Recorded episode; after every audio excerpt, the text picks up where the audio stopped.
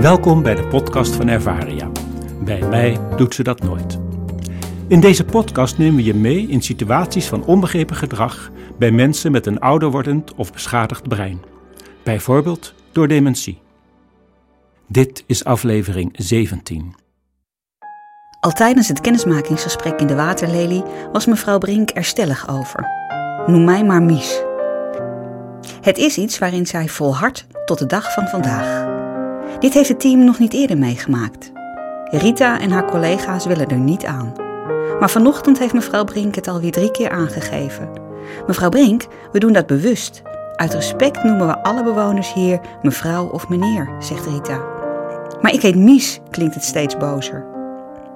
Het team besluit dat mevrouw Brink, Mies Brink, vanaf vandaag Mies heet. Als proef en als uitzondering op de regel. Dat wel.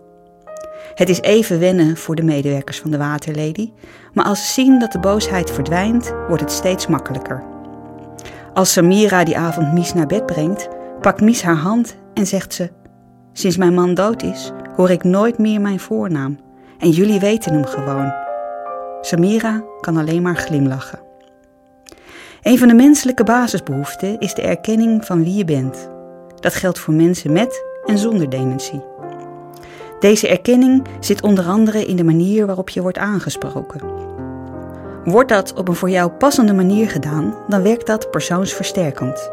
Het tegenovergestelde is ook het geval. Het werkt persoonsondermijnend als een uitdrukkelijke wens wordt genegeerd. Het werkte bij Mies een tegendraadse reactie in de hand. In teams wordt hierover regelmatig verschillend gedacht. En hoewel we ons in de eerste instantie misschien verzetten tegen het idee om oudere personen met hun voornaam aan te spreken, is het loslaten van dat verzet soms wijs en respectvol, met alle positieve bijkomstigheden.